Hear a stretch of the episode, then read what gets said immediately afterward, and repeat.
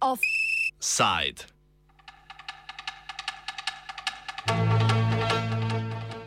Uzbekistan, Kara, Karakalpakstan.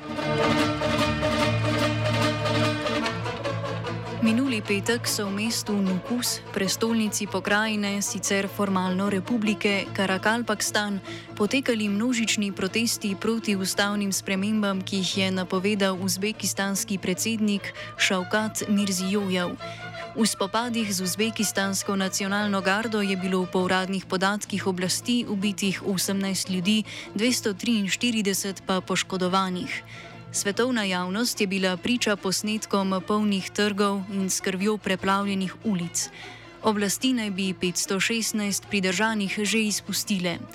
Karakalpakstan na severozahodu Uzbekistana obsega dve petini ozemlja te države in meji na Aralsko jezero, Kazahstan ter Turkmenistan. Delno avtonomijo Karakalpakstanu zagotavlja postsovjetska uzbekistanska ustava iz leta 1992. Takrat je dvomilijonska republika, ki je neodvisnost od Sovjetske zveze razglasila 14. decembra 1990, pristala na nadvlado 34 milijonskega Uzbekistana.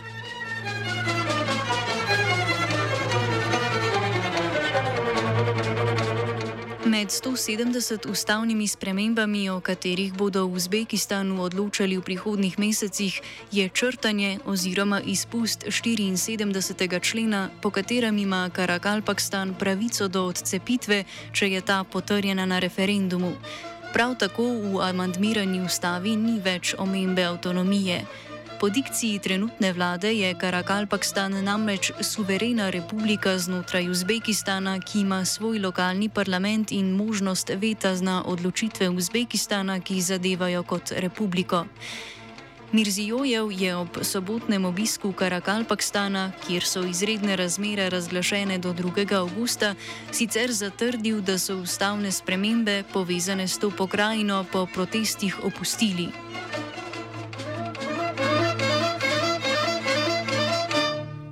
Zgodovinski oris odnosov med Uzbekistanom in Karakalpakstanom, ki jih v skladu z ustavami obeh držav določajo sporazumi in drugi dogovori, ter njihovo preslikavo v sedanjost, poda Ben Eris, urednik spletnega portala BNA IntelliNews.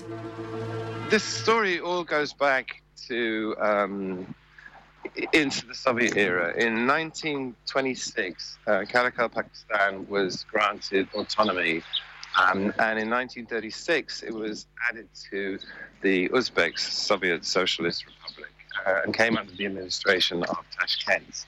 However, it's always retained within Uzbekistan its autonomous status. And then in the early 90s, following the breakup of the Soviet Union, um, it, it chose as a region to remain within what was now independent Uzbekistan However, at that time, there was a promise that it retained the right to secede from Uzbekistan should it want to. And although that promise was never enacted and they never chose to do that, it remains on the books that it has the legal right to choose to leave Uzbekistan if it wanted to. So what's happening at the moment is Mirzoyev, uh, the new president who's been in since 2016, he's basically trying to tidy up the country. He's trying, or he proposed that the autonomy of Karakalpakstan would be removed and it would just become another region of Uzbekistan. And this is a big region. I mean, this, this accounts for a third of the entire country's uh, territory. And moreover, they recently found what appears to be an enormous gas field on the territory of Karakalpakstan. So you've got the political issue of um, it's leaving the country, which they weren't keen on. But there's also an economic issue here because uh, it's, it's, possible that the um, that the region is actually worth a tremendous amount of money for the economy.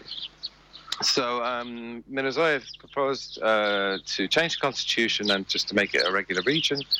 Um, and of course, the Karakalpaks are an ethnically in, uh, diverse, ethnically um, distinct from the Uzbeks. They're closer to the Kazakhs than they are to the Uzbekis. and they take their autonomy and their you know their regional identity uh, very seriously. So they were very unhappy about this being subsumed under Uzbekistan and becoming subject to Tashkent's direct rule.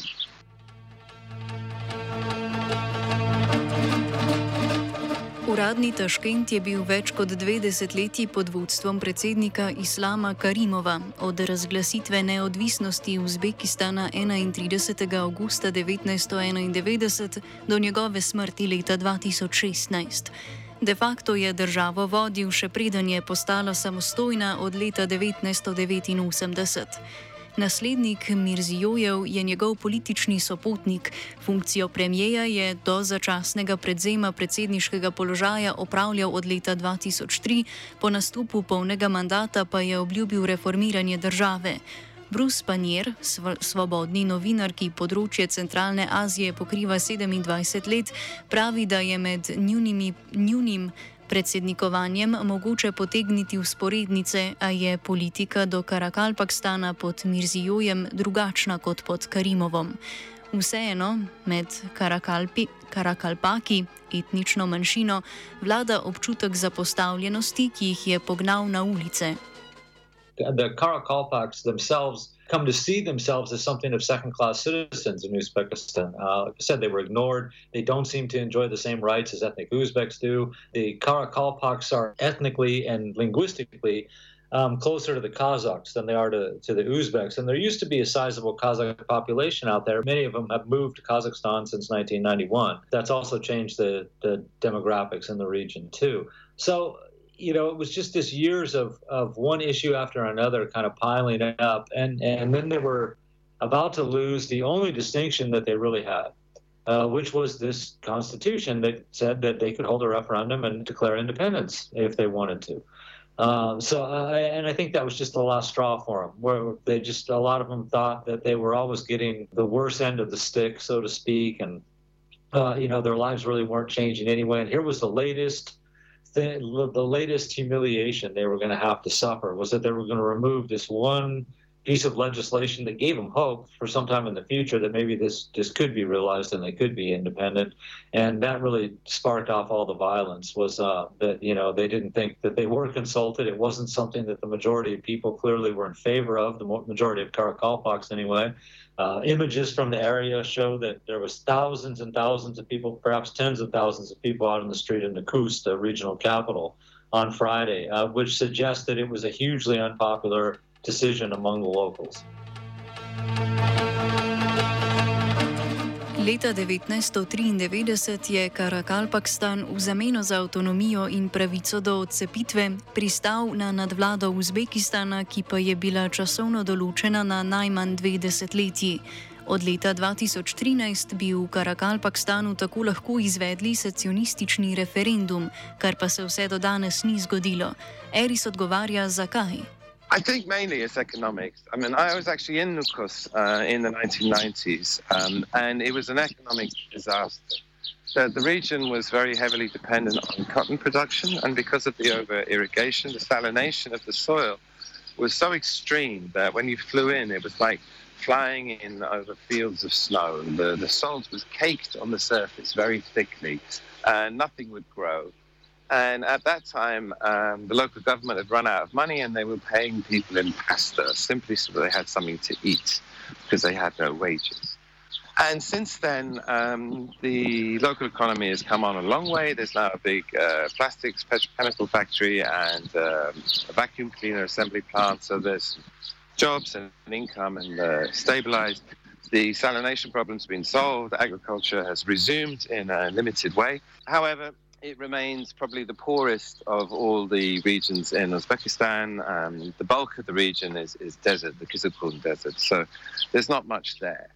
And it's the economic dependence on the center, because if they were to split off and become an autonomous or an individual country, the local economy um, has pretty much nothing to offer. Whereas, as part of the greater Uzbekistan, the center is supporting them. Um, Mirzoyev and even Karimov before was investing into schools, into education. You have the opportunity to go to Tashkent or one of the other, you know, nicer regions to, to live and work if you want to, whereas a separate country, you wouldn't be able to do all of that.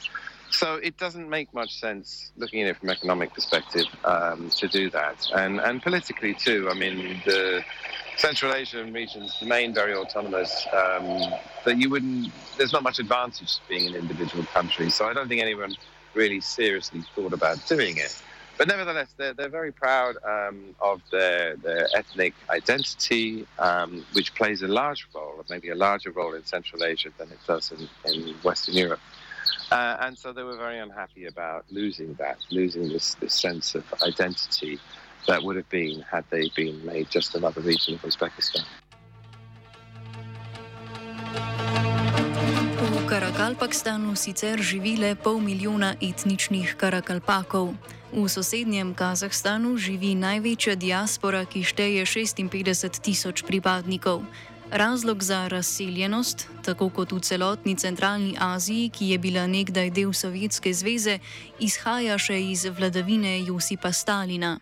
All of the Central Asian countries, that the ethnicities are mixed, uh, and none of them, you know, Kazakhstan is not purely Kazakh, uh, Kyrgyzstan is not purely Kyrgyz. I mean, there's a big Uzbek minority there.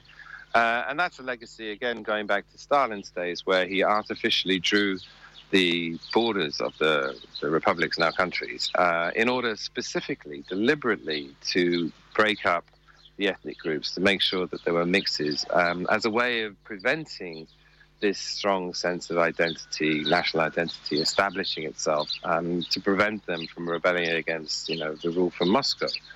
And so this is a legacy issue, you know, that continues. And in Karakalpak, there is only 30% of the locals are actually Karakalpak. The rest are Uzbeks with smatterings of you know Kyrgyz, Kazakh, uh, Irkul, whatever. Um, and I, I, don't know how much difference that makes, but clearly in the demonstrations here, um, the Karakalpak themselves, when faced with the prospect of losing their autonomy, they came out, and if you saw the footage of the demonstrations on the market square in Nukus, I mean, there were several thousands, if not tens of thousands of people there, um, spontaneously coming out and protesting against this proposal. So Mirzoyev, in an attempt to tidy up the constitution, it seems that he miscalculated badly.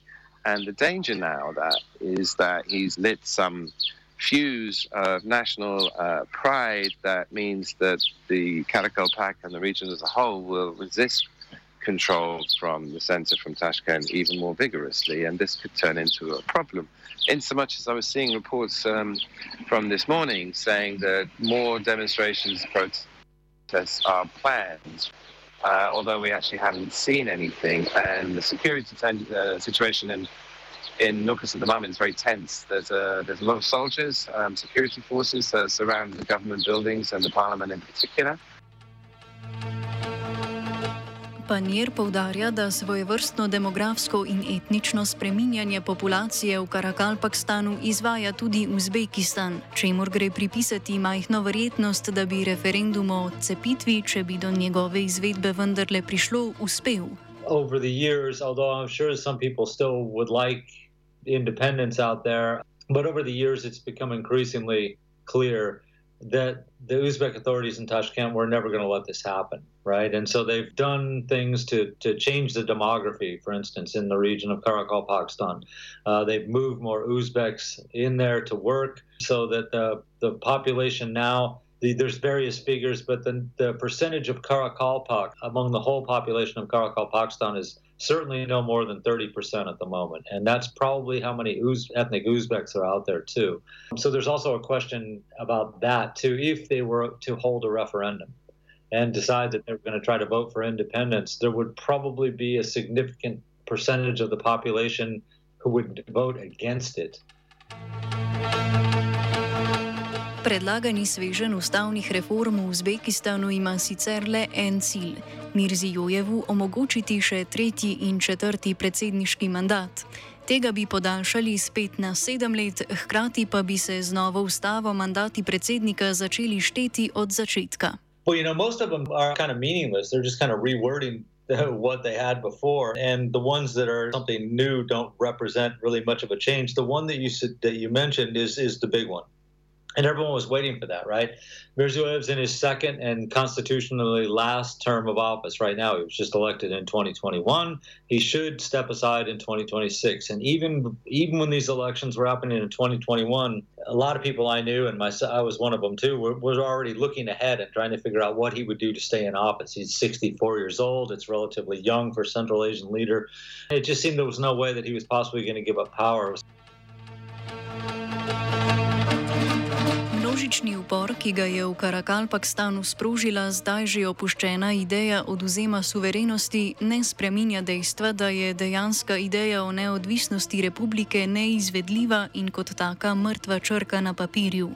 Pokrajina z neugodnim podnebjem, čeprav po površini zauzema skoraj polovico Uzbekistana, je še vedno preveč tako ekonomsko kot politično odvisna od države, v kateri se nahaja zato se kljub položenim institucionalnim temeljem zdi, da bo Uzbekistan tudi v prihodnje karal Karakalpakstan.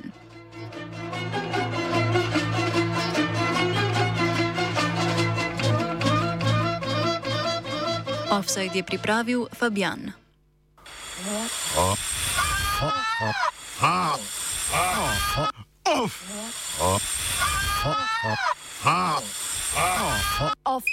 Offside.